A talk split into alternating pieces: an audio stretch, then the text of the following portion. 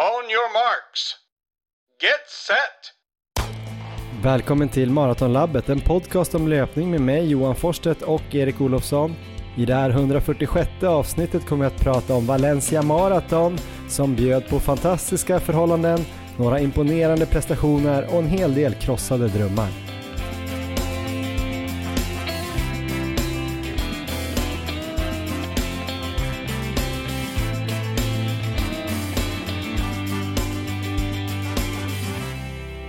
Ja, men då ska ni vara varmt välkomna till avsnitt 146 av podcasten Maratonlabbet. Idag kommer vi snacka om eh, Valencia Marathon eh, och som ni kanske hör så sitter jag då Johan Forsstedt på flygplatsen här i Spanien. Jag är i Alicante och eh, spelar in. Vi tänkte att vi skulle släppa det här avsnittet ganska fräscht så det är därför det kommer på en tisdag. Hoppas alla tycker det är okej. Eh, Erik Olofsson, Tycker du att det är okej okay att vi släpper tisdag?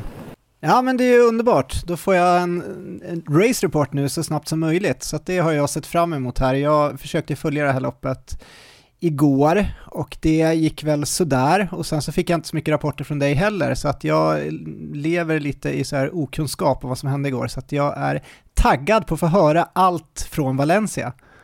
Ja, jag hade inte fattat att det var så svårt att hitta resultatet och jag hade inte med mig telefonen till, till starten och lämnade inte in den med mina kläder så jag var direkt efter loppet uppe på någon eh, terrass där och eh, tog en öl med Helena Bjelkemo och Christian Ulriksen, massa norskar. Eh, och sen var jag på någon lunch så jag kom hem ganska sent utan telefon och då hade jag massa mess eh, från typ mamma och pappa och Emma och dig och du undrar nog bara hur det gick och de undrar nog om jag levde typ. Jag trodde alla visste, visste, visste min sluttid. Jag, hade, jag var även i kontakt här med Anders Forsstedt som skrev till mig, så han var ju väldigt orolig där att du kanske hade hamnat i sjukhustält eller något sånt där, vilket ju var min förhoppning. Så att, eh, men så var det ju inte, då var du alltså drack öl med eh, massa sköna norskar istället. Så det, det var ju en besvikelse. Jag hade ju hoppats att du låg där och eh, plågades, men att du hade slagit till med en fantastisk tid. Det var lite det, var lite det jag trodde på. Men äh, ja, du får väl... Äh... Jag var plågad i själen. du får ta lite så här från början och ge, ge oss eh, atmosfären inför loppet. Eh, var du nervös? Eh, hur var vädret? Jag mm, anade ju där på förhand att det skulle bli bra förutsättningar.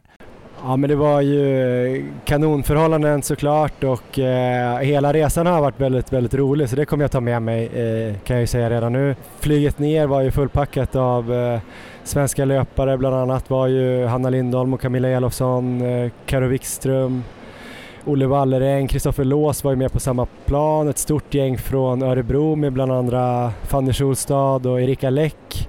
Så det var liksom redan på planet ner från eh, Arlanda så var det ju en, en avslappnad men ändå lite laddad atmosfär och alla hade väl sett den här eh, prognosen då på att det skulle bli så himla bra temperatur och ingen vind egentligen. Så alla hade nog, eh, alla satt nog och funderade på hur hårt de skulle spänna bågen så redan där var det ju, var det ju kul.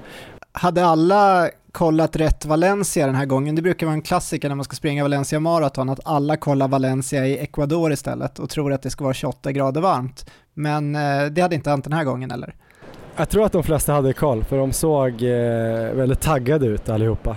Och eh, jag var väl också taggad men försökte väl hålla det på någon lagom nivå så man inte börjar överladda redan fredag. Men eh, det var en ganska lugn fredag, sen lördag försökte jag ju verkligen göra allt by the book och tyckte jag lyckades med det. Jag hade liksom en bra energiplan eller kostupplägg för, för lördagen då, även lite för fredagen men framförallt lördagen.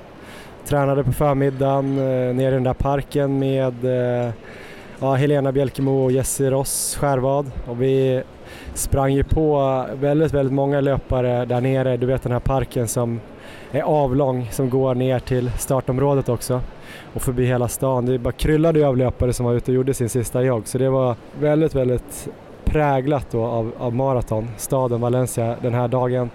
Sen försökte jag bara resten av dagen typ göra så lite som möjligt utan att bli galen så jag var väl ute och tog en, en kaffe där på eftermiddagen men gick bara liksom några hundra meter och sådär. Och, ja, men följde mina, mina rekommendationer med eh, ris och lax till lunch och middag. Och, allt kändes väldigt, väldigt bra förutom att jag hade huvudvärk hela lördagen. Det är ju inte så kul men eh, försökte känna att det kanske bara var något med resan och så och att jag skulle vakna upp bättre på söndagen. Men man vill ju ha allt perfekt hela, hela tiden men ja, ja det var helt okej okay i alla fall. Du har ju jobbat lite med Sofia Sundberg här inför med kost och den biten. Om man tar bara så här dagen innan, gjorde du precis som du brukar göra eller var det någonting du hade tagit med dig därifrån som du hade lagt in?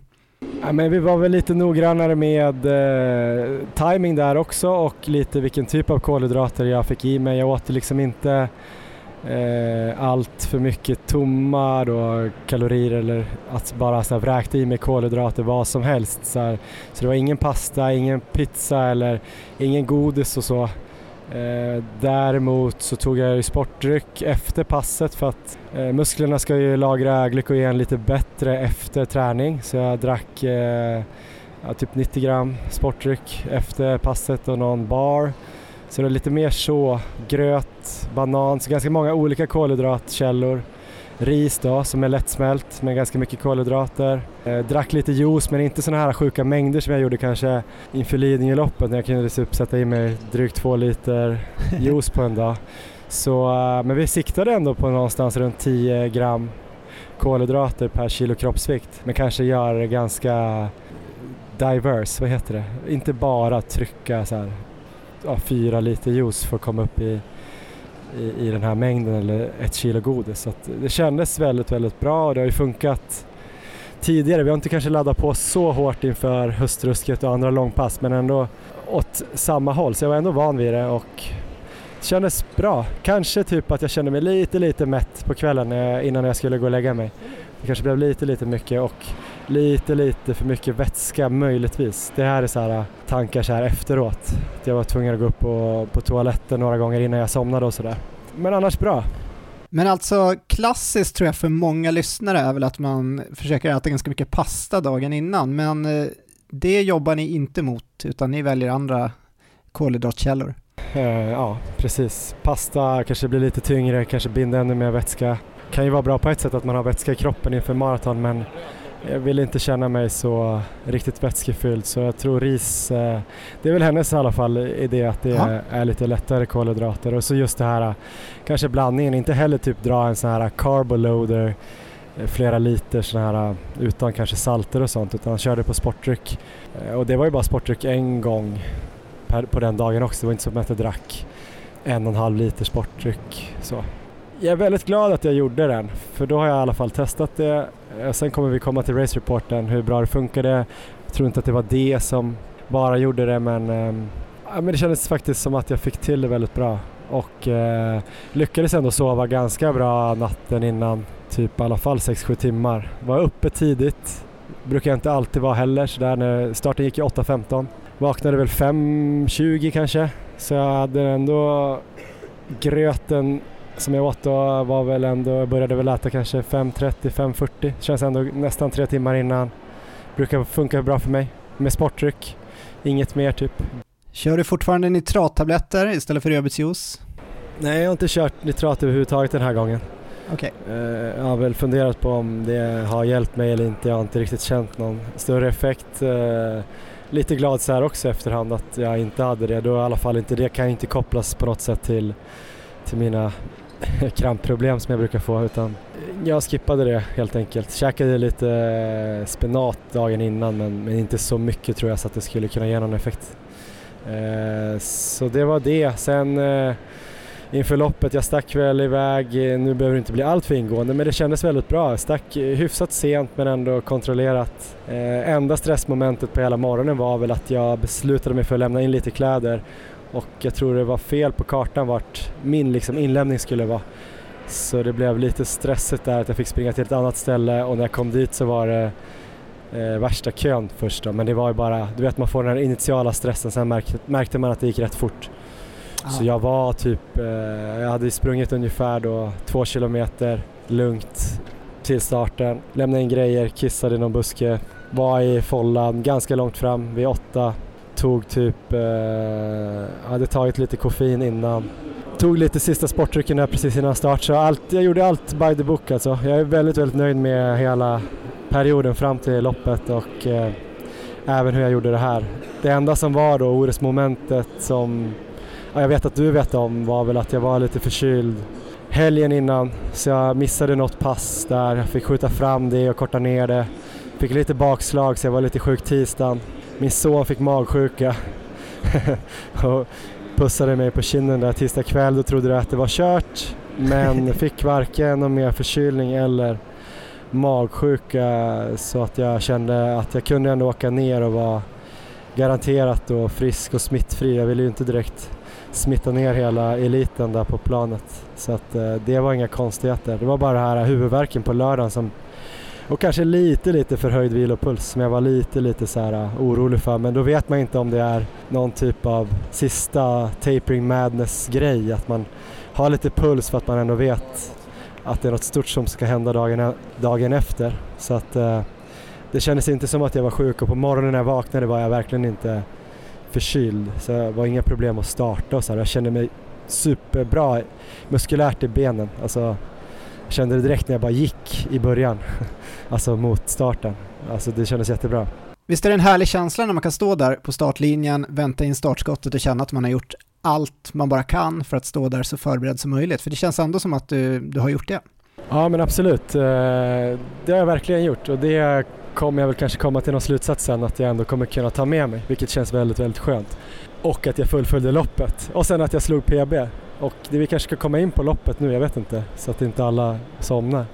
Men eh, det var, om du ska säga så lite mer på ett större plan så var det ju det är ett fantastiskt eh, lopp ändå och så, ja, men som alltid inför ett maraton är det ju väldigt höga förväntningar eller stora förväntningar i luften på något sätt. Att man ser folk som kommer ut från alla gator till den här huvudgatan bredvid parken. Alltså det bara strömmar ut folk som joggar ner mot starten och man känner att man vet att alla, nästan alla i alla fall, har i en längre tid tränat mot det här i, liksom, i Frankrike eller Spanien, Portugal, Sverige, Finland, Norge. Liksom alla har ju ungefär tänkt samma tankar i kanske tio veckor och alla har funderat ut vad de ska ut för utgångsfart och alla är lite nervösa, alla pratar om samma saker på lördagen. Energi, alltså så här, prata om det här vädret, ska man typ dra en uh, once in a lifetime öppning för att passa på när vädret var så här bra. Det var ju typ, jag tror det var 10 grader och i princip vindstilla vid starten. Det var ju utlovat kanske några grader kallare till och med, alltså så här 7-8. Jag ja. tror det var 9-10 vid starten så ytterpytte sämre men man kan liksom inte säga att Nej, man får det... liksom inte säga att det skulle kunna vara bättre men i teorin skulle det kanske kunna varit 7-8 grader då. Men det, det, det, får ni glömma att jag sa då. Men, men om man verkligen ska vara vetenskaplig. Men jag menar, jag inte, kommer inte ihåg när jag senast hade så bra, bra förutsättningar till ett sånt viktigt lopp. Nej, men det märktes också när jag följde loppet där och eh, hörde kommentatorerna och så att det verkade vara helt perfekta förutsättningar. Och det har vi väl aldrig riktigt fått. Vi har ju haft några som varit hyfsade när vi har sprungit, men det här verkade vara en sån där perfekt dag. Och det såg man ju senare också på mångas tider. Ja, men precis. Och sen så, ja, men superbra stämning inför och eh, när loppet gick igång, jag stod ju i eh, en av de första startleden där. De hade delat upp liksom grön och gul så jag var väl sub 2.50, sen fanns det sub 2.38 men vi stod liksom lika långt fram bara på varsin sida sprang man då över bron, den där första bron och sen en stor rondell och de sprang på ena sidan och vi på andra sidan och så var eliten framför då. Eh, jag kom ganska långt fram i min folla och det var jättetrångt men det gick typ i 3.50 fart ungefär hela tiden ganska jämnt. Så det var bara som en lång organism och jag tänkte väl typ ligga i ungefär 3.50 kanske 3.55 till och med första kilometern bara för att inte ja, men dra på mig någon laktat tidigt liksom och komma in i det. Så att, eh, och jag tyckte att jag lyckades med, jag var väldigt lugn och inga incidenter sådär direkt. Så att eh, fick en väldigt bra start. Eh, det började väl bli lite luftigare kanske efter 3-4 kilometer men det var förvånansvärt eh, packat med folk. Man blir alltid förvånad när man springer i Valencia. Typ vi, strax innan sju där så, eh, när man kommer på en lång raka där man möter eliten. De har varit nere liksom och vänt typ i en rondell och kommit tillbaks på andra sidan vägen. Så man kunde ju kolla då liksom vilka som ledde, man såg Gidey och sen började ja. man ju se liksom andra svenska löpare. Jag kommer ihåg att jag såg Camilla Elofsson på andra sidan. Och jag menar, jag var kanske 300-400 meter från den där svängen och kollade över på folk som alltså sprang då kanske i 3.40 fart. Det var liksom helt tjockt. Det var så här 500-600 löpare så det kändes bara helt bisarrt. Det var som ett myller typ och ja, fascinerande. Det var ju också ganska trångt för oss också men det var som jämn fart så det gjorde ingenting. Uh, och första femman gick på eh, uh, 19.20 och det var ganska exakt vad jag hade tänkt. Så lite lugn öppning ändå och då var det kanske första kilometerna som var de lite långsammare där. Jag tror 5 10 var ganska snabba, där hade jag 18.54. Hade ju liksom gjort allt eh, perfekt kontrollerat. Vid 5 kom jag ikapp eh, Erika Läck som jag visste skulle gå för sub 2.40 en riktigt bra dag för jag hade pratat lite med Erik Ahnfeldt som tränar henne. Men jag visste också att hon skulle öppna kontrollerat och eh, lite försiktigt defensivt så det kändes ändå rimligt att ha henne i blickfånget och man behövde liksom inte gå i hennes rygg eller så för det var ju alltså bara en stor klunga egentligen. och den rörde sig ungefär samma och eh, fick i mig energi vid fem och drack vid fem. 10 tog jag bara energi. Eh, till 15 hade jag samma fart, jag hade 18.54 eh, 5 till 10, 18.55 10 till 15. Så exakt lika snabbt då, typ 3.47 fart. Det skulle väl, det är väl 2.40 sluttid. 15 till 20 gick pyttelite snabbare då, 18.51. Men det kändes liksom bra. Jag kollade faktiskt ner någon gång på uh, handledspulsen då, vilket jag kanske inte hade tänkt att göra för jag vet inte om den riktigt stämmer jag vet att det är lite förhöjt. Kanske låg lite högre än vad jag hade hoppats. Det var liksom lite högre än känslan var. Vad hade du då, då när du kollade ner?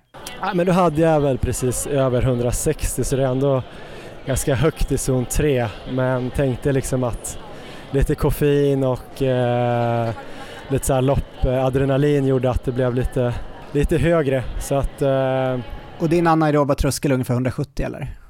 Ja, någonstans lite under där nu tror jag. Säg 167, ja. så lite högt låg jag ju faktiskt om det stämde eh, med handledarna. Jag kan ju inte svära på det men det har ju stämt ganska bra på vissa pass. Om vi tar lite energi bara, hade du, bar du med dig gels och sen tog du sportdryck också längs vägen eller? Ja, jag hade med mig, till slut blev det så att jag hade med mig fem gels i fickorna. Jag tyckte det var lite jobbigt att ha sju för att det blev nästan tungt i, i tightsen. Jag hade ingen så här liten midjeväska eller så men jag hade eh, Seisky ha ett par tights, korta tights med bra fickor på, på benen och där bak. Men jag tyckte det blev lite jobbigt att ha sju så att sen såg jag att de gav ut två Enervit gel under loppet. Så då satsade jag på att jag skulle ta de två och sen också dricka sportdryck ibland. Men då hade de den här Powerade men det hade vi sagt att det kunde funka liksom.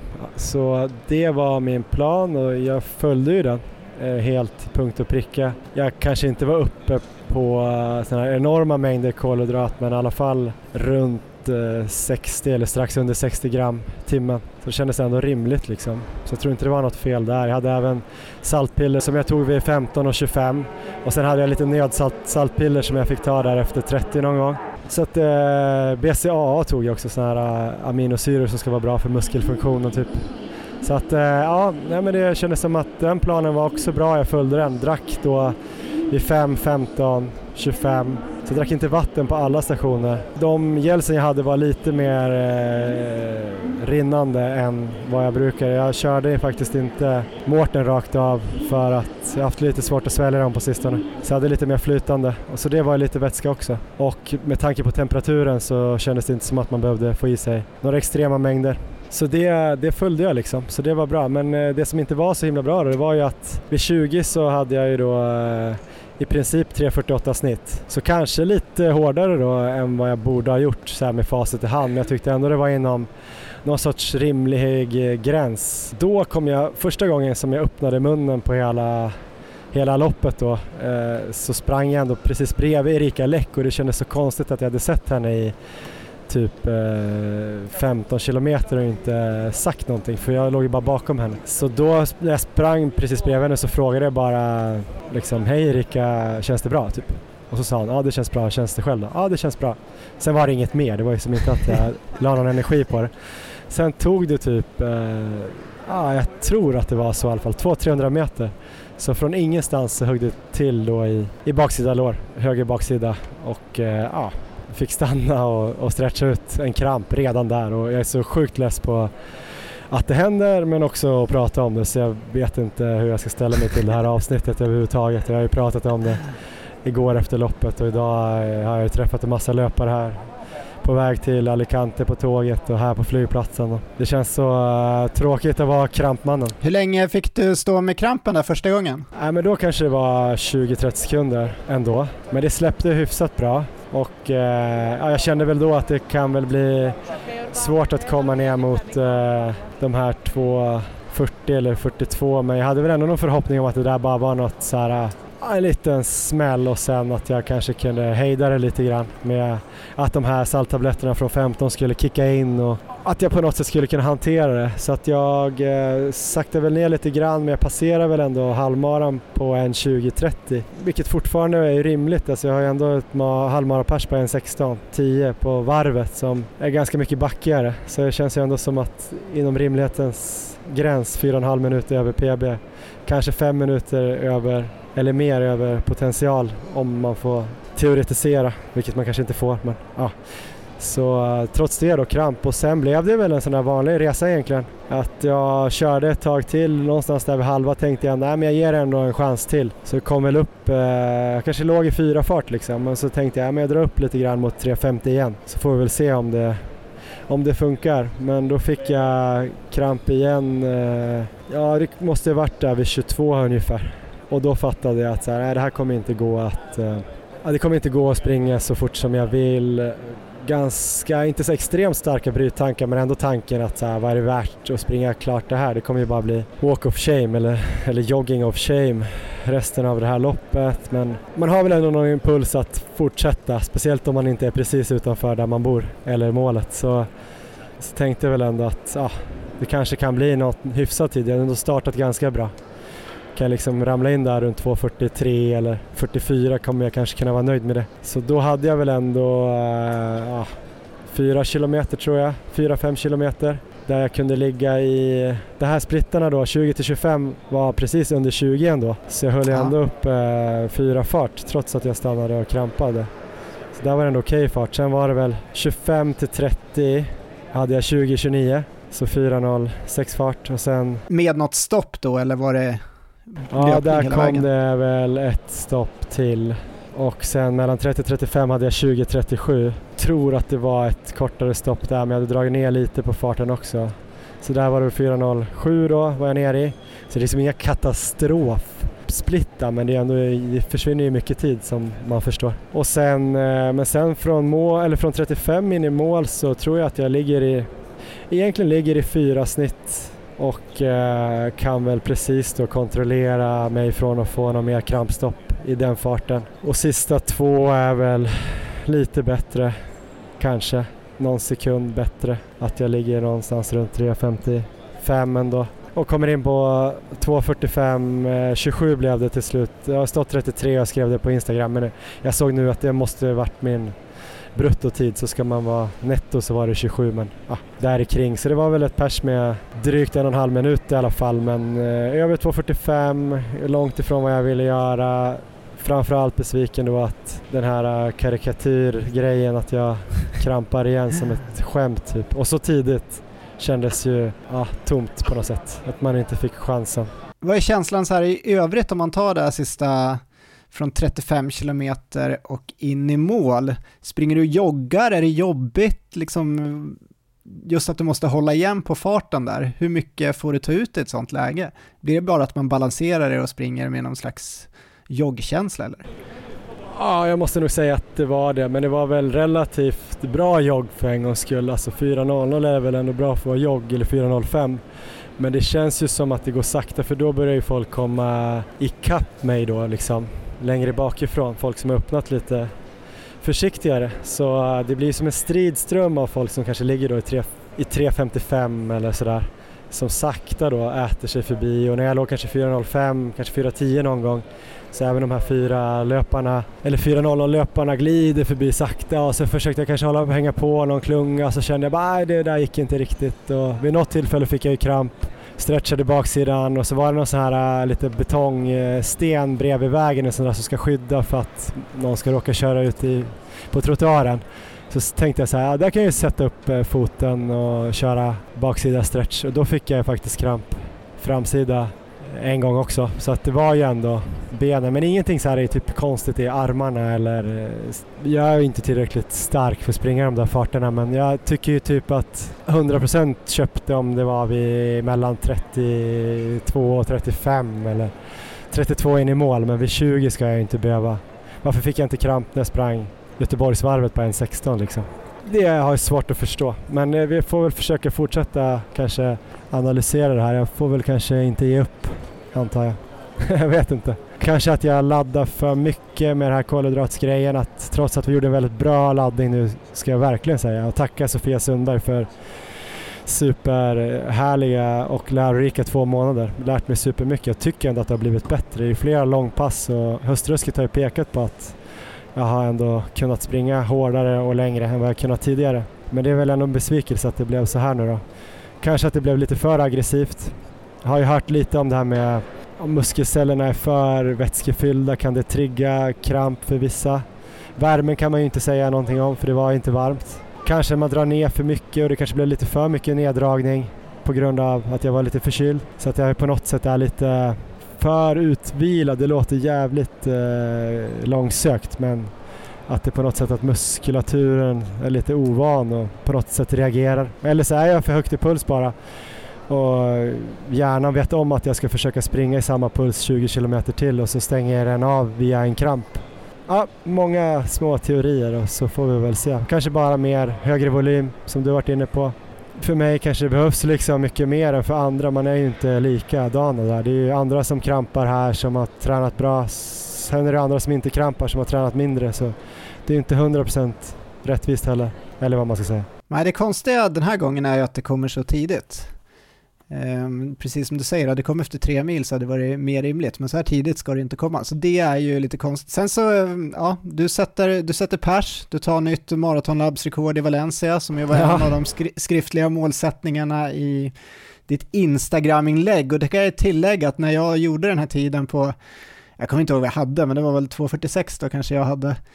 Så äh, väggade ju jag och sen höll jag på att bryta efter tre mil där och sprang ju bara och letade efter någonstans att äh, kliva av. Men äh, jag hittade inget riktigt bra läge och till slut var jag så långt från vårt hotell att jag bara fortsatte att springa mot mål och sen så fick jag en sån här känsla att äh, men, jag kanske ändå kan ta mitt pers som då låg någonstans där på 2.46 så att sen så plågade jag mig i mål allt jag kunde och sen hade jag räknat fel så jag fick spurta sista kilometern eh, allt jag kunde och så missade jag det perset ändå med 10 sekunder. Men jag tog ut mig så mycket så att jag låg i sjukvårdstält där i tre timmar innan du hittade mig där. Så den tiden slog du nu och du joggade alltså i mål och slog den. Det känns ju lite som ett hån nästan. Men eh, jag förstår, jag förstår liksom eh, besvikelsen. Det är trist att du inte får liksom Ehm, riktigt ta ut dig och eh, testa hur, liksom, hur snabbt du kan springa där på slutet. Men eh, det ska vi kunna få ordning på ändå tror jag. Jag tror ju ändå att eh, det som vi, det jag var inne på förut och sagt, jag tror att skulle du kunna få upp eh, veckovolymen lite mer så tror jag att det kan göra stor skillnad. Det blir lite förhandling hemma för att få till det tror jag. 12 mil i veckan, det kanske kan vara lösningen. Jag får se vad jag kan göra.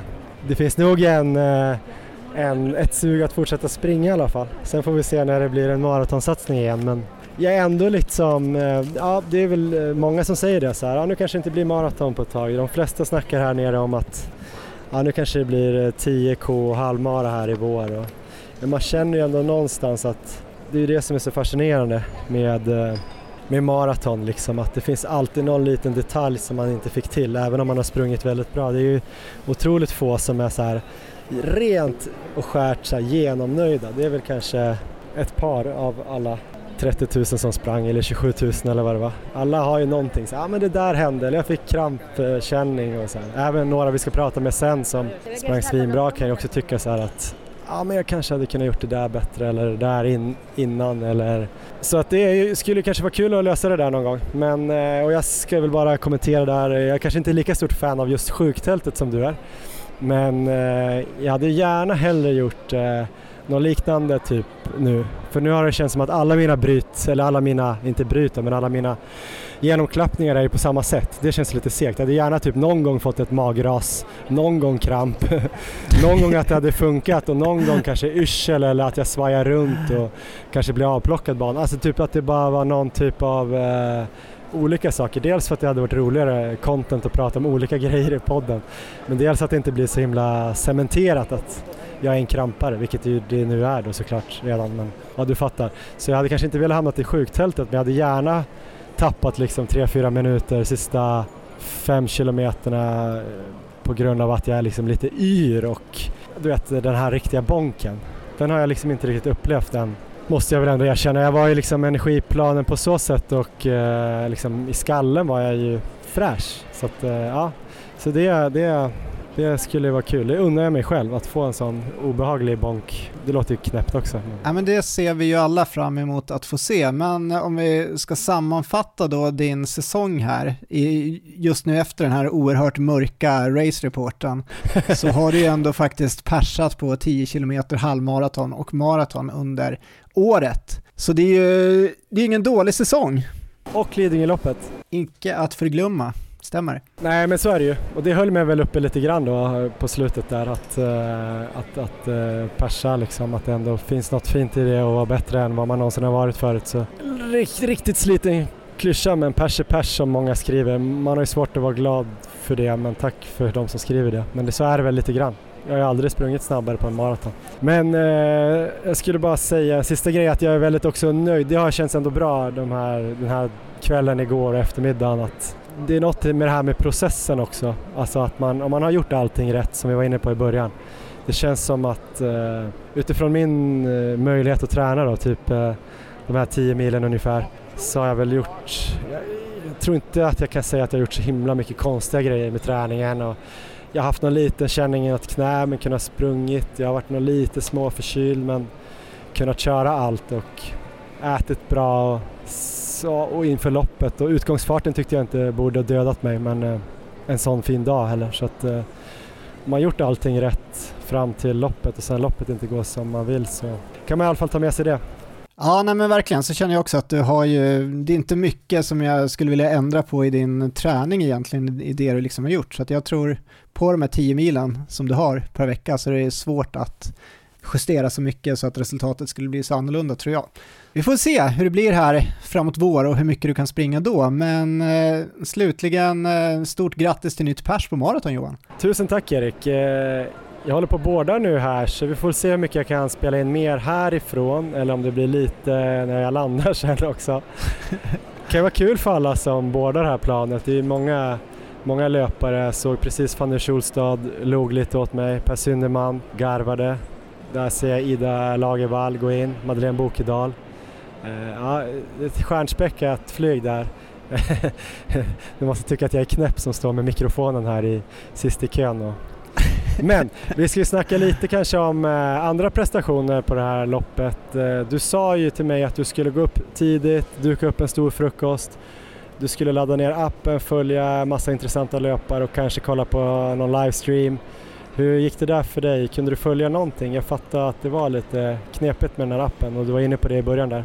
Ja, nej, men jag hade ju en fantastisk plan där. Jag hade ju ledigt under helgen så att jag skulle kunna sitta och följa Valencia bara och eh, äta god frukost och eh, det gjorde jag. Jag dukade upp en fantastisk frukost och sen så var jag redo där. Jag hade livestreamen på tvn där och sen så hade jag en oerhört lång lista med löpare Eh, en del elitlöpare och eh, framförallt massor av svenska löpare där som jag skulle följa i appen det funkade väl bra till en början, så fem kilometer in där så satt jag och kollade på eliten och sen så började det liksom komma in mellantider på alla. Men den mellantiden vid fem kilometer var den enda mellantiden som sen kom in.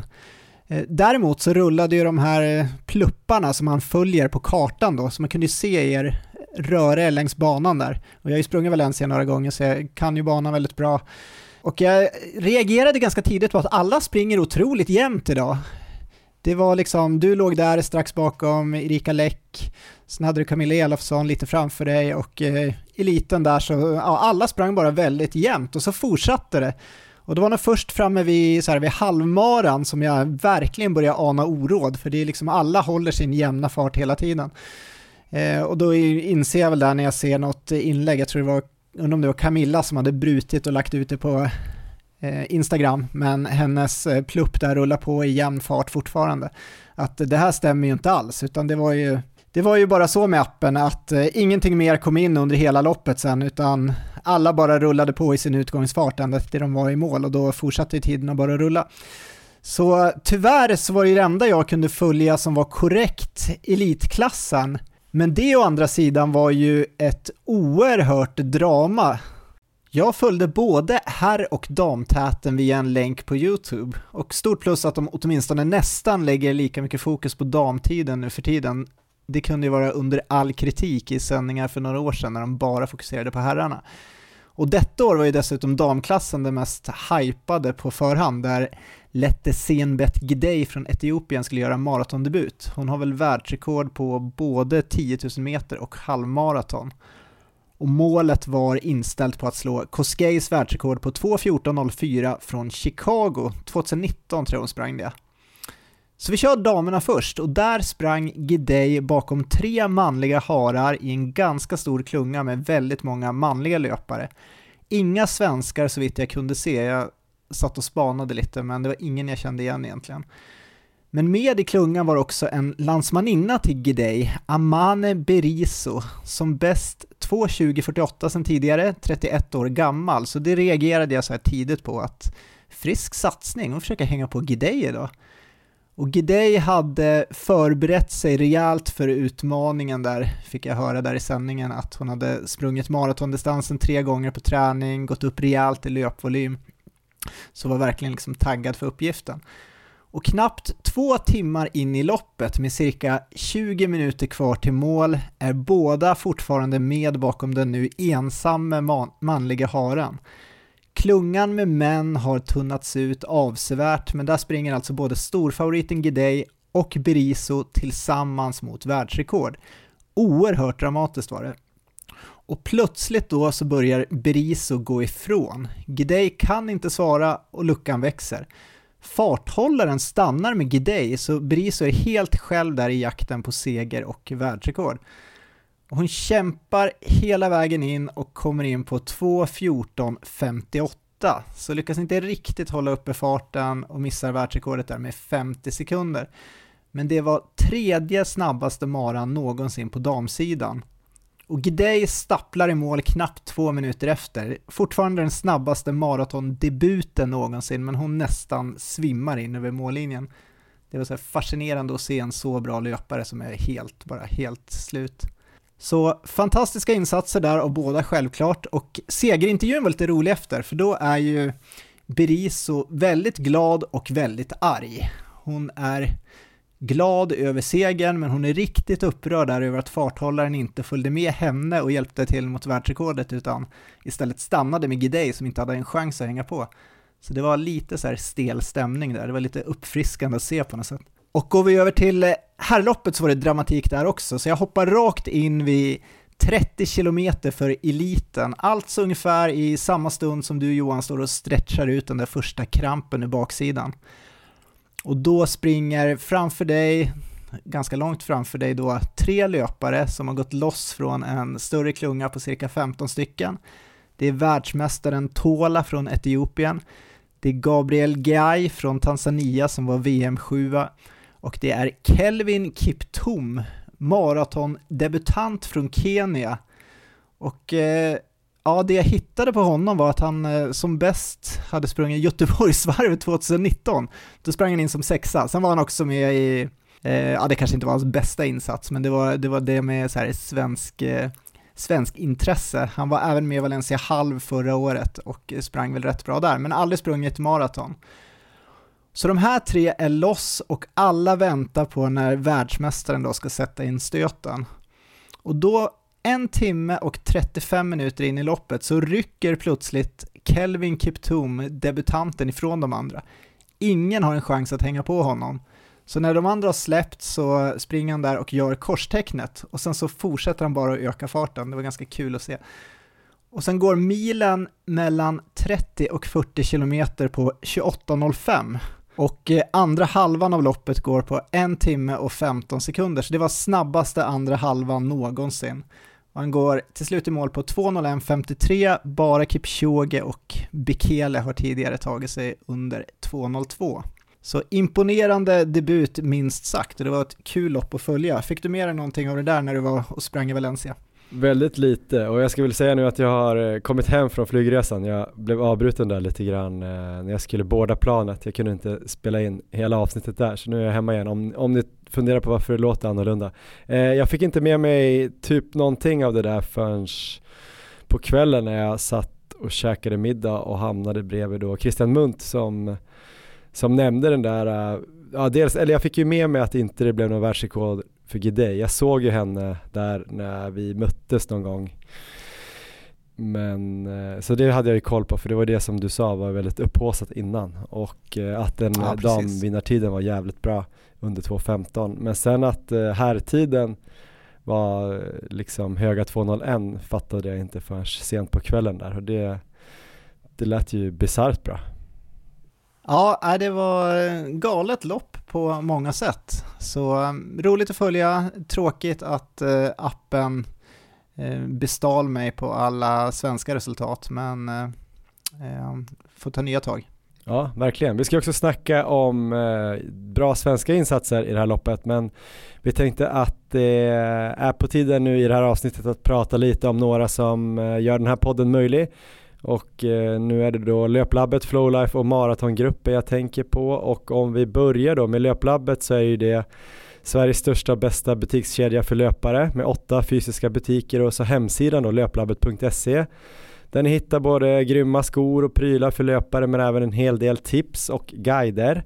Eh, på löplabbet.se finns det just nu en eh, undersida där som tipsar om julklappar för löpare det känns ju ändå som att eh, de har tänkt rätt där med, med tajmingen. Det är ju snart jul, eller hur Erik? Det är mycket riktigt. ja, men det känns eh, bra att de är med på den bollen. Löplabbet har då uh, några exempel där på prissänkta varor bland annat. Och inför julen kan man då få tag i pannlampan Silva CT5R lite billigare än vanligt. Den här GPS-klockan Garmin eh, Forerunner 55 som ju är en av deras kanske enklare klockor fast den är ju ändå jätteavancerad. Jag tror de säljer den för 1500 spänn nu. Det känns som ett eh, superkap. Eh, också en hel del kläder från Craft. Bland annat vintertights som kan vara skönt nu när det ska bli riktigt kallt ute. Och eh, en schysst löparväst som jag såg där som man kanske kan springa i eller ha liksom kanske över när man eh, är på väg till en träning eller liknande. Så gå in och kolla där på löplabbet.se för bra julklappstips för era löparkompisar. Ett annat bra julklappstips Erik kommer från maratongruppen, eller vad sägs om en startplats till Stockholm Marathon den 3 juni kanske? En perfekt julklapp till alla som vill ta vidare sin löpning. Ja, det låter ju som den bästa julklappen man kan få. Ja, verkligen. Jag undrar om alla som sprang Valencia här i, igår tycker det just nu, men jag tror att de kommer tycka det lite senare för att man kan säga vad man vill om snabba maratonbanor i utlandet, men att springa Stockholm Marathon är ju något speciellt. Eh, en mer utmanande bana, vädret kan ju skifta lite från år till år. Eh, man kan springa kanske lite mer på placering, det är grym stämning runt loppet. Möjlighet att vara lite mer klimatsmart kanske också. Man kanske kan ta tåget till, till tävlingen eh, om man inte bor i Stockholm. Ehm, ja, det är ett fantastiskt lopp Erik. Jag är som sagt, jag har sagt det tidigare, jag är lite sugen på att springa och kanske försöka hitta någon topp 100 placering. Eller vad säger jag? Sitter jag och pratar om att jag ska springa maraton? Det är helt sjukt det här.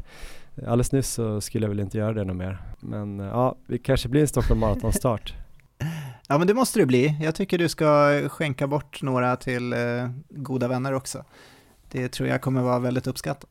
Mm, men det går också att köpa presentkort på valfritt belopp eh, som gäller då valfritt maratongruppen evenemang i 365 dagar framåt och de har ju runt typ 20 lopp tyckte jag mig se att välja mellan och eh, man kan ju gå in och kolla på vilka där på www.stockholmmaraton.se och maratongruppen.se och båda adresserna är då med H i maraton. Kolla också in på maratongruppens Instagram där de kör en julkalender nu i december och i dagens lucka nummer 6 då tisdag så ska det finnas chansen att vinna en riktigt fin sko Adidas Ultra Boost så gå in och kolla då, där heter de ju Maratongruppen på Instagram. Vi har också ett samarbete med det svenska återhämtningsföretaget Flowlife eh, och på flowlife.com då kan man gå in och då har de ju massa juldeals. Det verkar vara någonting med det här med julen Erik. Eh, de har ju årets skönaste julklappar och eh, ja, vi har ju snackat oss eh, väldigt varma om deras massagepistoler men också Flow Pillow Heat. Mycket bra produkter där för återhämtning. Kanske blir någon sån vecka för mig den här veckan. De har julklappsgaranti också. Det är 100 dagars öppet köp. Så eh, ja, gå in och kolla på flowlife.com. Det här kan bli en julklapp som någon kommer tycka om dig väldigt mycket för om du köper. Var det där en riktig mening? Jag hoppas det var en riktig mening men eh, gå hur som helst in och kolla på flowlife.com. Ja men nu Erik kan vi snacka lite om eh, bra svenska resultat, kanske några dåliga också, vad vet jag. Eh, på förhand var det ju en otrolig svensk startlista eller vad man ska säga. Alla kom ju inte till start. Eh, David Nilsson kom ju inte, Mustafa Mohamed hade blivit sjuk. Det var fler löpare från Hälle som var sjuk tror jag.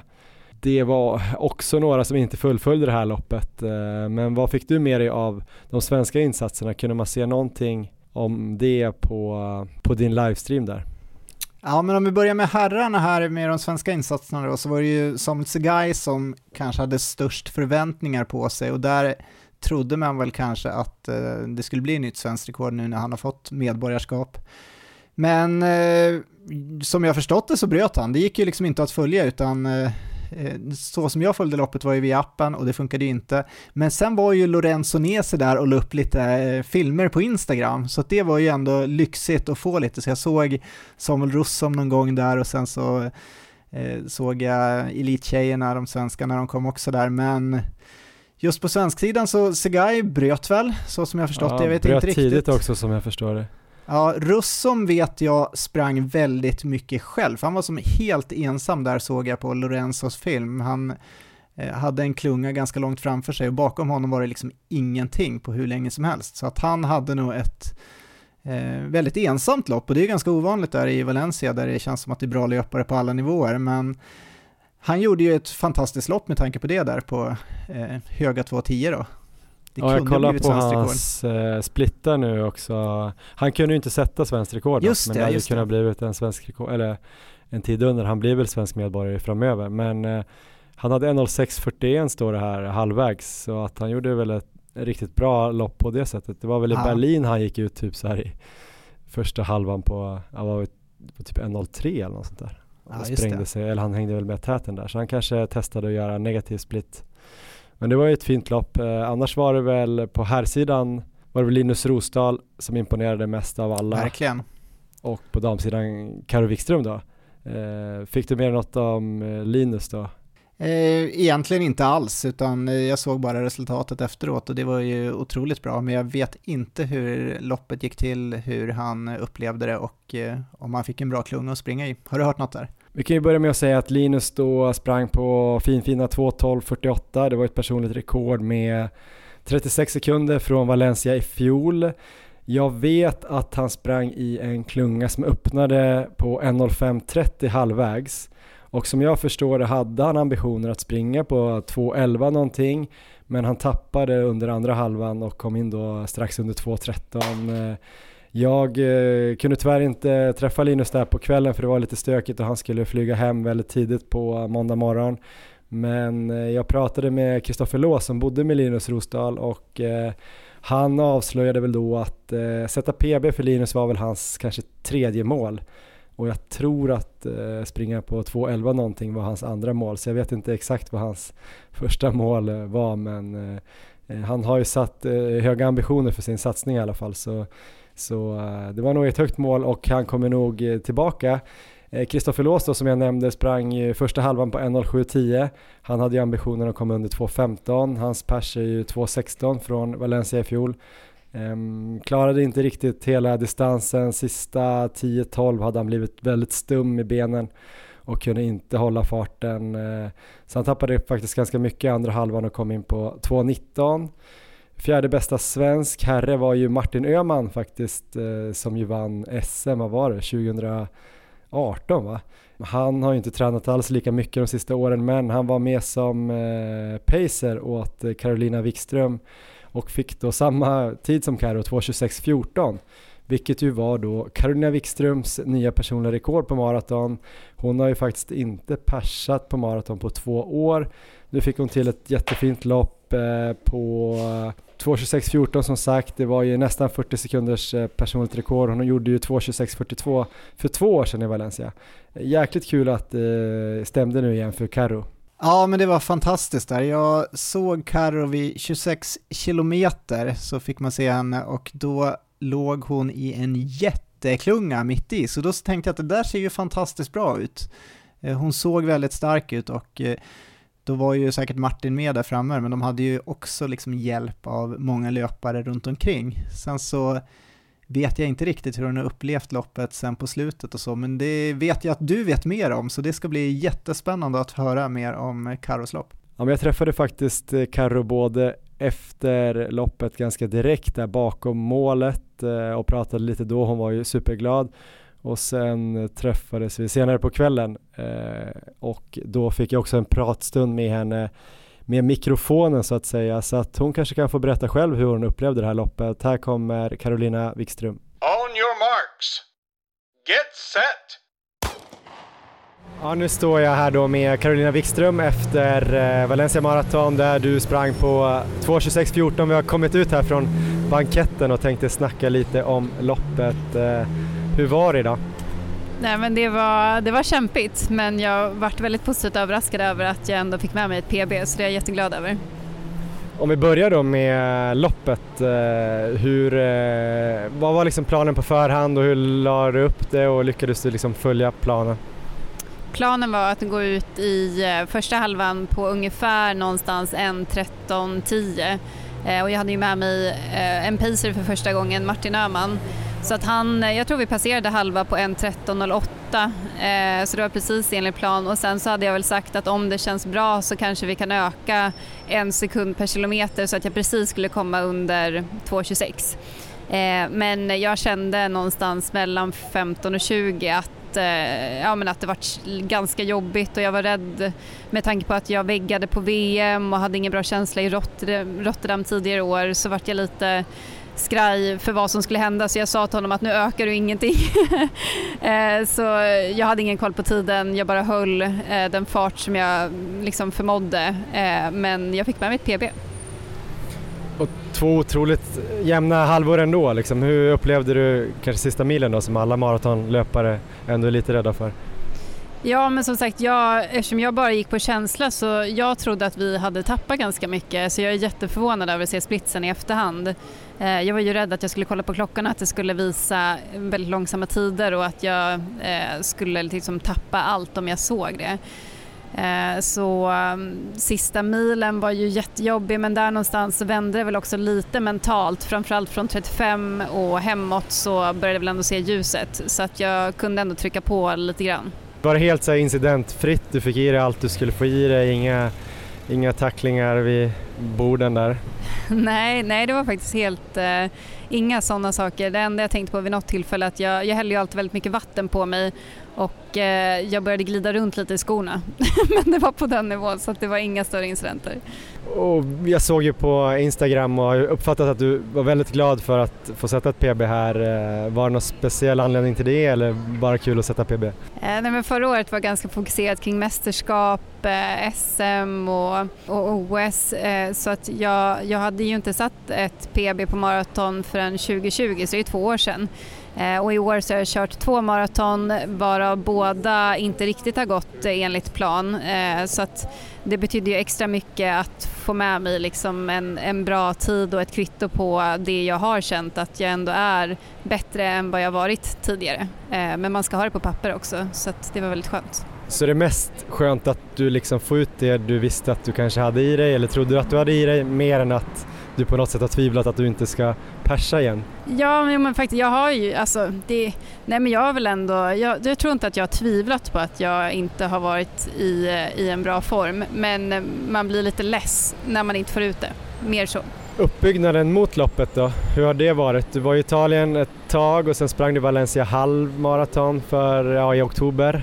Hur har det liksom sett ut och har det känts? Ja, jag har tagit ut ganska mycket ledighet från jobbet nu under hösten. Det var väldigt skönt. Eh, så jag var tre veckor ledig i oktober, eh, två veckor i Italien och avslutade med Valencia halvmaraton. Och ehm, det var ju väldigt skönt att bara kunna fokusera på att träna. Sen tror jag som person att jag tycker om att jag blir lite understimulerad efter ett tag så men det, det var väl bra. Och sen Själva halvmaran gick inte riktigt så bra som jag hoppades. Det vart lite för varmt så det skyller jag nog det mesta på eh, och att jag gick ut lite hårdare snarare än att anpassa efter förhållandena. Så jag fick väl inte med mig en bra känsla men eh, ja, jag, jag fick revansch idag så det var, det var helt klart värt det. På tal om förhållanden då, hur upplevde du dagens förhållanden? Nej men det var ju, det fanns inget att skylla på. Jag tror inte man kan önska sig så mycket bättre än det var idag. Eh, solen kom fram lite i slutet men ja, nej, det var väl mellan 8 och 12 grader tror jag. Eh, för det mesta molnigt, ingen vind nästan alls, mellan 1 till 2 meter per sekund så att nej, det blir inte bättre än så. Hur nära var det här ett perfekt lopp då? Utifrån min prestation? eh, nej men det det vart ju ett väldigt jämnt lopp. Jag, jag känner mig ganska säker på att jag fick ut allt jag hade för dagen. Och som tur var så passerade jag Christian, min tränare, när jag hade, ja, det var 1,2 kilometer kvar tror jag. Och jag trodde ju inte att jag hade chans på pers, men han skrek att du har 10 sekunder till godo på pers. Och då lyckades jag faktiskt öka så att jag hade en riktigt stark sista kilometer där jag vann ännu mer tid. Så att det, ibland så skulle man kunna få höra något sånt och, och tappa modet, men jag hade ändå lite krut kvar i benen benen så att med tanke på det så är jag ganska nöjd med genomförandet. Kul, och vad händer nu framöver då? Kanske tråkigt att prata om nu så här bara några timmar efter loppet men Nej men nu blir det vila, det här blir väl liksom den riktiga säsongsvilan för mig eh, och sen så kommer jag ladda lite mot kortare distanser och fokusera på att bli eh, ja, men bättre på 5 och 10 under våren. Eh, jag tror att det kommer ge mig bättre möjligheter mot halvmaran och maran på sikt eh, och jag känner att jag vill putsa mitt PB på framförallt eh, ja, 10 km 10 000 meter. Det ska bli kul att följa. Tack så jättemycket Carolina. Tack själv. Ja men det där var alltså Carolina som berättade om sitt eh, nya personliga rekordlopp, eh, 2.26.14. Det kändes som att hon tyckte det var väldigt, väldigt skönt att hon fick fick det på papper så att säga att hon har blivit bättre och eh, hon var ju, det loppet som hon fick till eh, låter ju tycker jag som när jag pratade med henne i alla fall att det var liksom så optimalt som det kunde bli den dagen i alla fall. Ja, men oerhört imponerande. Negativ split igen och och eh, härligt att se Karo tillbaka på den här nivån som vi vet att hon har och vi får inte glömma att hon är väldigt ny, eller inte väldigt, men hon är ändå ny som löpare och väldigt ung. Så att hon har ju många bra år framför sig. Så att eh, det blir ju väldigt spännande nu nästa år att se om eh, kanske nästa lilla klivet kommer. Jag tror det kan göra det nu. Eh, jag, tyck, jag, tycker ofta man ser att det här, Eh, just när man tagit de här jättekliven, att det kan komma en liten platå som eventuellt har kommit nu, men jag tror att hon kommer ha mycket utveckling framför sig här, kanske framförallt då på maraton, men jag tror det är helt rätt att eh, gå ner och springa så som de brukar göra egentligen, lite kortare distanser här på våren. Och sen så gissar jag att det kommer komma en rejäl maratonsatsning senare under året. Eh, bakom Carolina så bröt ju tyvärr både Hanna Lindholm och Camilla Elofsson Hanna som jag förstår det fick eh, någon typ av känning i baksidan. Jag tror hon bröt vid 22 va Erik? Ja det kan stämma. Och eh, jag pratade lite med Per Synnerman då som var med i förra avsnittet, Hannas tränare. Hade inte riktigt känt sig bra på hela loppet, alltså muskulärt. Så kliv, klivit av där, hon hade ju något mer lopp här framöver. Eh, kunde inte göra sig själv rättvisa lite grann var känslan. Camilla gjorde väl lite av en chansning och åkte ner. Och hon skrev väl själv på Instagram idag om att ja, hon bröt utan att riktigt veta varför. Men hon var väl kanske inte varken helt mentalt eller fysiskt 100% eh, påkopplad inför det här loppet. Så det var väl lite av en chansning. Så hon lät lite besviken att hon bröt men hon gjorde ju, vad var det, 25 kilometer i 3.40 i alla fall. Och sen hade hon varit så arg för att hon bröt så att hon hade stuckit ut eh, ner i parken där och sprungit en mil sub 40 typ innan hon gick ut och käkade på kvällen. Så. Ja, men hon kom ju tillbaka. Jag vet inte om hon skulle satsa mot Sevilla. Men då blev istället eh, andra bästa svenska Erika Läck som också blev tvåa på SM i våras. Då gjorde hon 2.46 Örebrolöparen. Nu gjorde hon eh, ett eh, ja, närmast helt perfekt lopp och kom in på ja, 2.39 39 då, officiella tiden 2.39.29 netto då, chip-tiden. Och hon var ju som sagt ihop med mig där i början. Jag tror hon hade 1.20.05 halvvägs så hon gjorde andra på 1.19.25 då typ. Och hon sa att hon hade egentligen sprungit helt jämnt och sen kunnat liksom öka sista biten och fått en sån grym tid så att hatten av säger jag. Ja men verkligen, otroligt imponerande igen så det, är ju, det har varit kul att följa här Erika under året och eh, framförallt nu nästa år då så ska vi, ja det blir spännande att se om hon kommer ta ännu större kliv då. Ja hon undrade också lite vart jag tog vägen för hon hade fattat där att jag kom fram och sa hej ändå vid 20 att det var jag och sådär. Och sen var hon lite så här, men sen tyckte jag att jag såg i ögonvrån att det bara försvann. Så jag tänkte så här, jag skulle vända mig och skrika men jag fattade inte riktigt vad som hände. Så nu vet hon det i alla fall. Och eh, lite framför oss då, vid den tidpunkten var ju också Fanny Schulstad som ju återigen gjorde ett sånt här eh, stabilt lopp. Kom väl inte ner mot sitt pers som är väl 2.41 men under 2.42, 2.41.51 ganska imponerande. Också, skrev ju också här på Instagram inför loppet att hon var gravid och jag vet inte exakt hur långt gånget men jag tyckte jag hörde några rykten om typ 12 veckor. Imponerande oavsett. Ja, Fanny är ju alltid rolig att följa just på maraton. Jag tränade lite med henne nere på Mallorca här för några år sedan nu och vi sprang några pass ihop där. Eh, otroligt uthållig och eh, ja, nu blir det ett litet uppehåll då. Men eh, vilken härlig avslutning att liksom få för jag gissar att det inte blir några fler maraton här innan, innan barnet kommer. Ja, nej men det var väl de vi tänkte räkna upp så här just nu Erik. Det fanns ju fantastiskt mycket bra resultat. Folk som sprang bra och mindre bra. Många som spände bågen eller fick magras och sprack och sådär. Krampare var det väldigt många av. Eh, en som kom i mål, som var väldigt glad för att komma i mål, det var ju Helena Bjelkemo. Eh, jag tänkte att vi skulle ta en liten pratstund med henne också. Här är Helena. Ja men då sitter jag här med Helena Bjelkemo som har sprungit maraton i Valencia. Hur är läget så här morgonen efter? Ja men helt okej faktiskt. Inte så farligt stelt som jag trodde. Jag är framförallt väldigt, väldigt glad över att ha kommit i mål. Målet var målet och jag klarade det och det, ja, jag var fantastiskt nöjd över det. Ja, berätta lite om det då innan vi går in på själva loppet och tiden och sådär. Eh, du har haft en kamp här ganska länge för att komma i mål i ett maraton. Ja, senast jag kom i mål tror jag var drygt tio år sedan. Sen gjorde jag en ny satsning här för tre år sedan och satsat liksom, men 2,40 som mål. Eh, jag har tränat inför det men har inte lyckats en enda gång. Um, jag har sprungit ett par där jag liksom gett upp helt och bara paceat kompisar istället. Men, men um, senast var i Paris, då var jag riktigt taggad, nu blev jag sjuk bara tre, fyra dagar innan. Um, och det upprepade sig lite i år. Men det kom lite tidigare den här gången, fyra, fem veckor innan.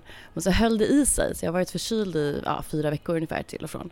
Men fick ändå OK från läkaren att köra så att, eh, så att det gjorde jag. Eh, och så gjorde jag lite tester veckan innan där och eh, det såg ganska bra ut så jag körde på dem. Det var lite friskt vågat men ingen minns en fegis så att jag satsade på den pacen som jag hade hoppats på, på 2.45 och det höll ungefär 25. Sen blev det riktigt jobbigt. Ehm, riktigt jobbigt och sista, ja men egentligen från 33 och framåt så det kändes som jag sprang i 5.30, eh, knappt tog mig framåt. Men, eh, men jag kom i mål eh, på precis strax över 2.55. Men när du sprang där då, liksom hur djupt kändes det att du ändå ville i mål? För ibland kan man ju säga sådär att det är jätteviktigt att jag måste komma i mål.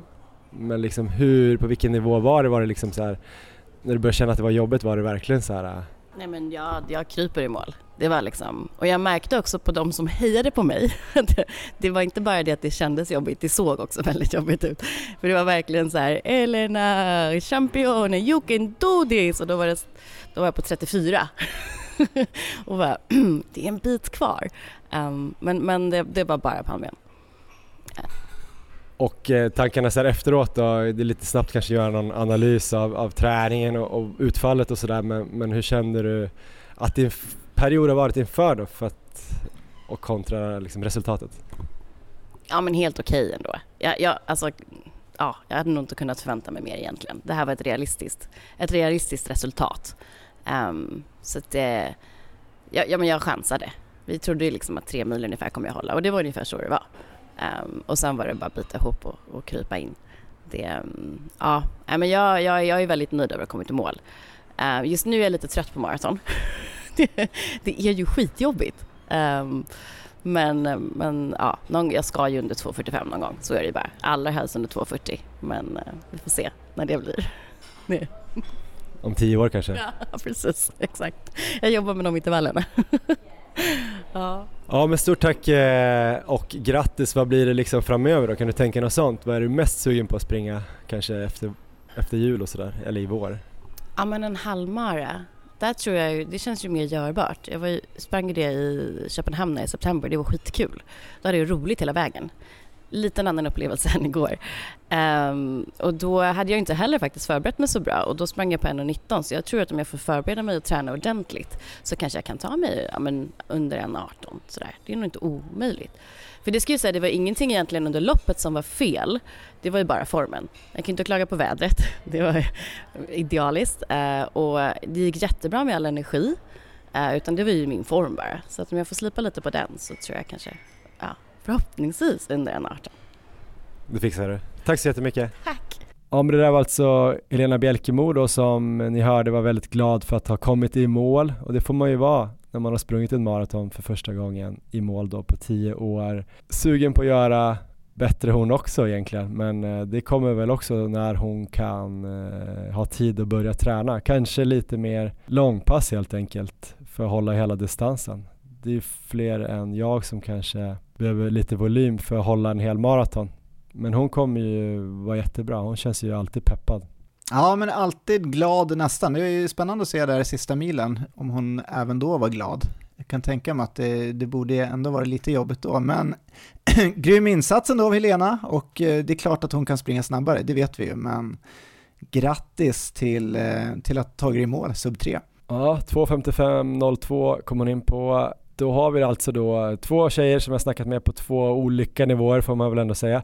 En tredje nivå eh, är ju den här personen på kanske än så länge ska jag väl säga som vi ska prata med nu. Väldigt, väldigt glädjande så kom ju Mikaela Big Mike Bergman till start i Valencia.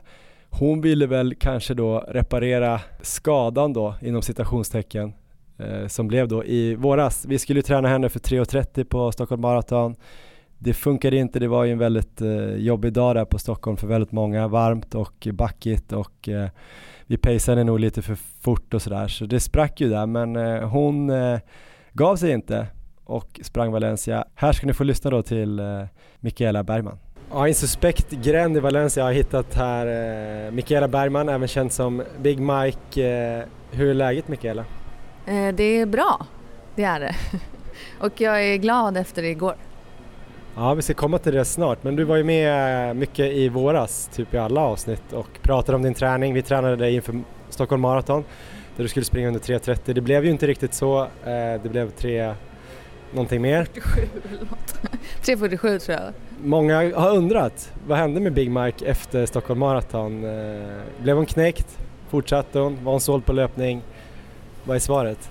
Ja men hon var ju lite knäckt. Men eh, det var också så här, nu måste jag kanske slå det där målet för att inte allt jobb skulle vara förgäves. Så jag fortsatte ju träna på eh, hyfsat bra. Tills jag, ja, men jag bokade det här typ dagen efter tror jag. Det här loppet. för att jag tänkte att jag måste slå det i år.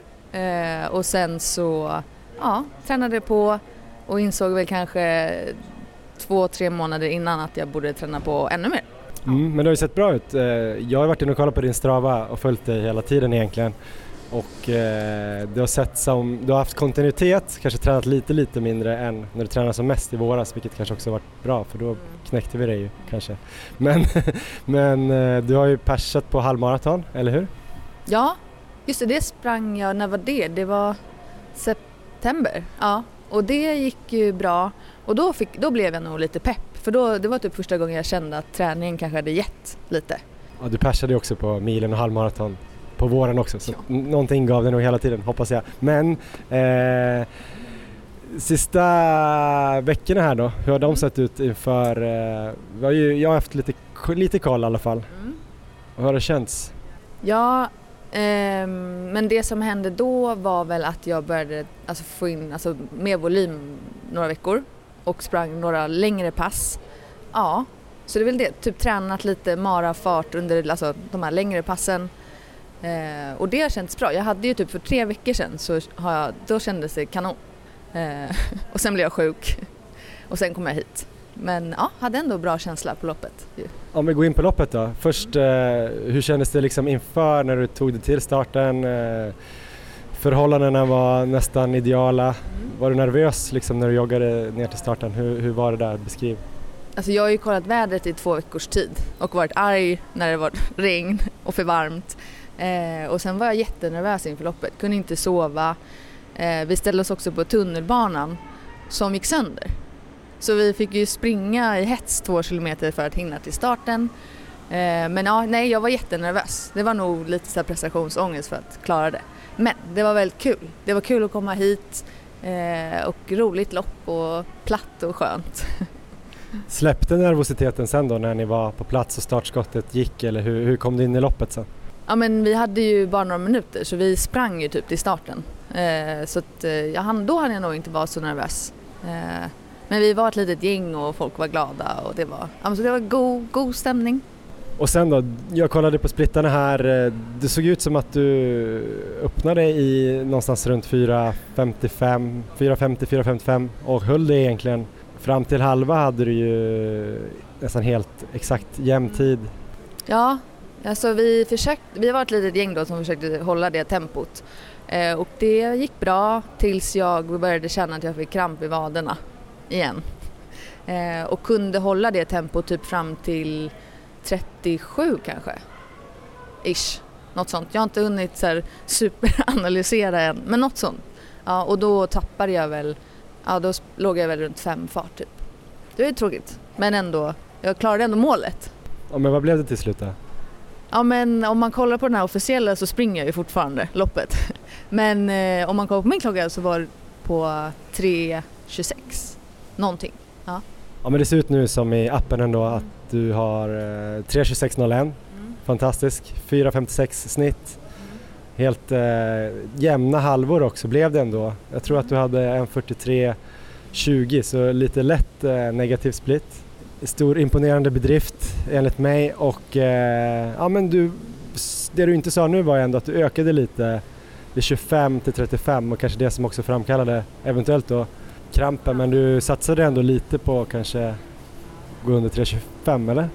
Ja, jag tror att jag fick eh, hybris där vid typ 30 då tänkte jag nu är det bara 12 kilometer kvar men det är många som säger att typ loppet börjar vid 30. Så då sprang vi på och så fick jag kramp och då fick jag hålla nere. Men jag försökte också, för jag har hört av er att ja, men testa kanske spring lite annorlunda eller typ öka farten eller sänk farten. Så jag testade allt möjligt men den kom tillbaka. Så jag fick ligga där på stadiga 5. Men hur känns det nu då, dagen efter då, när du snabbanalysen, vad är känslan i, i kroppen och huvudet, omloppet alltså? Ja, alltså jag är nöjd. Men konstigt nog så börjar man ju tänka så här, vad hade man kunnat göra då? Hade jag bara kunnat springa på och ha skitont? Kanske borde gjort det. Men ändå nöjd. Målet var ändå att komma under 3.30. Eh, och jag tyckte att det var ett kul, härligt lopp. Vi kunde liksom springa där och säga något ord till varandra ibland och hade ändå så en glad känsla. Men det var jobbigt att ta sig ner för de här sex trapporna i morse. Så ja, lite öm kropp så. Ja men du går inte upp för de där sex trapporna och eh, anmäler dig till en ny mara i alla fall direkt? inte den här gången. Men vi får väl se vad målet blir. Jag tror kanske att jag är lite nyfiken på en halvmara. Men du kommer fortsätta springa i alla fall? Ja det kommer jag. Ja. Och du har fått med dig folk har jag förstått, alltså fler som har blivit peppade av dig, alltså dina kompisar, eller är det så? Men jag tror att jag under typ fem års tid har tjatat med mina kompisar att vi ska springa. Eh, och nu är vi en, ett litet gäng som ses och typ springer på fredagar och så. Så det är mysigt. Det är kul. Det är det viktigaste. Gud vad kul. Ja. Tack eh, och stort grattis. Tack, tack och tack för all hjälp. Det är faktiskt, jag hade aldrig anmält mig till en mara faktiskt. Så är det. Tack. Ja Erik, Mikaela Big Mike Bergman, visst blir man stolt och väldigt, väldigt glad. Vilket psyke va? Anmälde sig direkt och eh, såg till att fixa det här 3.30 med marginal under 2022. Vad säger ja, du? Ja, men det var så underbart när hon bara anmäldes direkt, det, det gillar jag. Och sen så där, det här citatet här från intervjun, nu är det bara 12 kilometer kvar, det är ju underbart. så, tror jag, så tror jag aldrig jag har känt, inte i något lopp, men eh, men otroligt härlig inställning, kul att hon har blivit biten av maratonlöpningen och att hon fått med sig hela kompisgänget och att hon bara åker ner och eh, eh krossar 3.30 helt enkelt. Det var ju med god marginal det där. Så himla roligt också att de har bokat något boende som låg sex trappor upp utan hiss. Jag såg en eh, Insta-story från hennes konto idag när hon filmade sin eh, kille där. Nils hette han va? Eh, när han liksom går då baklänges nerför de här sex trapporna för att han har antagligen så ont i framsida lår. Jag tror att han kom in på ungefär samma tid. Kanske att han hade sprungit om henne när hon tappade lite fart på slutet. Så hon var ju nog lite, lite pist på det och eh, att hon inte kom under 3.25 men jag sa att hon absolut inte fick vara missnöjd med att, göra 3.26.01 eh, superbra resultat ju. Och hon sprang faktiskt eh, två jämna halvor ändå, även om det lät som att hon hade tappat väldigt mycket på slutet. Men första delen av andra halvan var ju snabb. Stort grattis till Big Mike för, eh, för sub 330, fantastiskt kul. Hon verkade väldigt glad när jag var i kontakt med henne efter loppet också, så att jag, jag tror hon är väldigt nöjd, det ska hon absolut vara. Det var våran lilla Valencia-inblick tänker jag och eh, jag får väl då tacka för alla fina snack som jag haft med folk där nere och på planet och på resan. Mm, på middagsborden och eh, sådär över öl. Det var jäkligt kul och en, en, stor kick att få åka ner och träffa så mycket folk och många saknade såklart dig Erik, den galna ultrakillen som de saknar på maratonbanorna kan jag hälsa. Ja, comebacken är inte långt borta nu, hoppas jag. Nej precis, vi kanske ska prata lite om det. Det är ju i mars i Barcelona som maratoncomebacken ska ske. Du ska springa under 2.30. Jag fick också lite frågor om varför du har valt Barcelona för den ska ju vara alla säger ju alltid att den är lite backig och så. Är det för att du vill ha en extra utmaning eller att du gillar staden eller bra i tiden eller? Ja men det ligger bra i tiden där. Jag var lite inne på Sevilla som nu ska vara snabbare. Den eh, tycker jag ligger lite för tidigt för att jag ska kunna få till det här van der Poel-upplägget som jag vill med en lång tröskelperiod och sen en liten tävlingsspecifik period. Så då stod det och eh, liksom hängde på om jag skulle springa i mars eller april och eh, Springer jag en mara i mars, då har jag möjligheter att göra lite roliga lopp senare. Det kan bli till exempel SM då i 24 timmars löpning som går i slutet av april. Men skulle jag lägga en mara i april så känner jag att liksom, då är det bara det, att då hinner jag inte med så mycket annat. Så att dels att den ligger bra i tiden och dels att jag har möjlighet att eh, springa andra lopp senare. Får se hur det blir med Stockholm Marathon också, den ska vi springa på något sätt. Så mm. det är så, lite så jag har tänkt. Barcelona är väl inte den snabbaste och enklaste maran på det sättet, men jag tror, ändå, jag tror ändå den ska vara hyfsat snabb och bara vädret eh, är lika bra som i Valencia nu som ni hade det så kommer det bli superbra.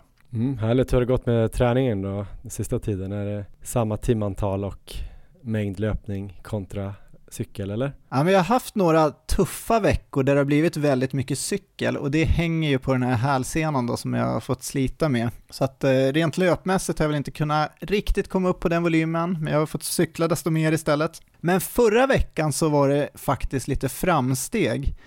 Så då kunde jag börja springa långpass igen, vilket var riktigt härligt. För tidigare har jag fått bryta så ofta vid kanske 20 km, då har jag inte velat springa längre med hälsenan, men nu hade jag väl tre stycken eh, fyra milspass förra veckan och jag fick totalt ihop 20 mil löpning då på de här fem dagarna, måndag till fredag. Jag hade också sex timmar cykel och sen var det väl kanske två timmar styrka på det. Så att det var en väldigt bra vecka då. Så det var lovande och det behöver jag nu, för nu behöver jag verkligen att den här hälsenan är med mig, för jag är på väg in i en övergångsperiod nu som ska ta mig in i tröskelperioden då som ska börja i början på januari. Så att nu har jag väl en tre veckor här där jag ska göra en övergångsperiod och där jag kommer introducera kvalitet. Spännande. Och det är ju, jag skulle säga att det är helt avgörande om det ens blir start i Barcelona eller inte, för att jag kommer ju inte, jag kommer inte springa Barcelona om jag inte liksom kan förbereda mig bra, så att jag ser ju nu de här kommande veckorna som, de kommer väl visa om jag liksom är redo sen i januari att köra igång riktigt bra träning. Jag har ju inte kört kvalitet egentligen på hela året. Jag funderade på det, hur mycket så här snabbhet och kvalitet jag egentligen kört under det här året. Och det var lite i början på året, något pass bara, bara. men sen så fick jag känningar. Så att eh, inför SM där i 24 timmars löpning i april så var det i princip bara lågintensivt och sen så kvaliteten på cykel. Så att jag tror att den snabbaste milen jag har sprungit på hela det här året är faktiskt den sista milen på SM i 24 timmars löpning. Så eh, det, det, är på den nivån det är och det gör mig lite orolig nu när jag ska börja göra det här. Men planen är att jag ska starta igång med kenyansk distans ett par gånger i veckan. Alltså progressiva distanspass där jag kanske kommer börja i någon slags 5.20 fart och sen så för varje kilometer eh, springa kanske 10 sekunder snabbare så att det blir 5.20, 5.10, 5.00 och så vidare och sen försöka landa någonstans, kanske i början runt 3.40, 3.50 och sen veckan efter försöka komma ner då i 3.30 fart så att jag avslutar de här eh, progressiva distanspassen i den farten. För det är ju 3.30 fart som kommer vara mitt mål sen. Det är där jag vill springa i Barcelona och det är där jag kommer lägga hela den här tröskelperioden också. Så att jag måste ju helt enkelt klara av nu att springa den farten och det kommer börja då med kenyansk distans och sen kommer jag försöka gå över till att köra lite 400 tänker jag i slutet av den här övergångsperioden så att det kanske blir 10 gånger 400 meter, några sådana pass. Och sen då i januari så hoppas jag ändå att jag har vant kroppen vid snabbhet igen och att jag där kommer kunna gå in i tröskelperioden. Eh, hälsenan kommer vara med mig och då, då ska det bli kvalitet måndag till fredag faktiskt. Och, eh, då kommer varje dag alltså? Det kommer vara varje dag, men det kommer vara löpning måndag, onsdag och fredag och sen så kommer jag köra kvalitet på cykel tisdag och torsdag. Så varannan dag där, men eh, det kommer bli riktigt, riktigt tufft. Jag hoppas vara redo på det. Alltså planen med hela den här aeroba perioden är väl att jag ändå ska byggt upp en så bra aerob bas att jag ska ha ganska bra återhämtning och sådär så att jag ska tåla träningen på det sättet. Men nyckeln är ju hälsenan, jag vet inte hur den kommer reagera på att köra kvalitet igen så att det, det är helt klart ett orosmoment men... Jag har en underbar nyhet också till dig. Låt höra. Om du ska springa på 2.30 i Barcelona, jag tror det kommer räcka med 3.33 fart va? Eller du kanske vill springa ännu snabbare än 2.30? Nej men det stämmer att det är 3.33 fart, men jag kommer köra 3.30 på träning för att jag tänker att man springer inte den snabbaste vägen där på tävlingen, utan tränar jag i 3.30 fart så kommer det nog motsvara 3.33 på, på loppet, så det är lite så jag tänker. Men du har helt rätt. Härligt, det ska bli kul att få höra då och kanske se hur du tränar här framöver, om du får till några snabbare pass man kan ju kolla då på Instagram, på Maratonlabbet eller erik.olo. Kanske du lägger upp någonting om din träning. På Strava kan man också kolla vad du gör. Erik Olofsson. Jag heter Johan Forstedt på både Instagram och Strava har jag för mig. Jag tänkte också säga då att vi får väl se vad som händer här framöver med eh, podden i eh, december. Om det kommer någon typ av eh, uppföljning här då kanske. Det låter lite spännande att höra hur det går med din, med din träning när du ska gå in i den här övergångsfasen. Min träning kommer kanske inte vara jättespännande här framöver. Jag kommer väl vila lite nu men sen vet jag inte om jag börjar kanske lägga in någon start på min grundträningssäsong här i mitten av december eller om jag vilar lite mer eller om det blir längdskidor i Jämtland över jul och sådär. Vi får väl se och eh, vi har dock bestämt Erik, vi kan väl redan nu säga att det kommer väl bli en fortsättning på Maratonlabbet 2023, i alla fall vårsäsongen. Det kommer det det bli. kan vi väl säga redan nu. Så det ja. känns ju kul och taggande att vi får följa upp det här eh, projektet i alla fall i podden och sen se hur jag går vidare från det här i Valencia. Vad det nu blir för satsningar, det kommer vi nog släppa i början av januari. Så det kommer en ny säsong. Det här kan vara det sista avsnittet 2022. Så i sådana fall vill vi verkligen säga tack för den här säsongen och eh, god jul och kram på er och sådär. Men det kanske kan komma något typ av avsnitt som inte blir så himla uppstyrt eh, längre fram. Eller så blir det ett uppstyrt, eller så blir det ingenting. Vi får se Erik. Ja, men det skulle kunna dyka upp eh, ett eh, bonusavsnitt och om det nu gör det så skulle jag vilja ha efterfråga en sak här och det är att ni kan skriva in till oss på Instagram och nominera folk, framförallt till årets mylfalk tänker jag, alltså årets mest dråpliga löphändelse. Vi har ju några klassiska pristagare där, men eh, gå in och skriv till oss om ni har någon bra kandidat till årets mylfalk. Tack så mycket för det här avsnittet Erik och kanske för det här året och god jul, gott nytt år, kanske då. Ja, god jul Johan och grattis till nytt maratonpers.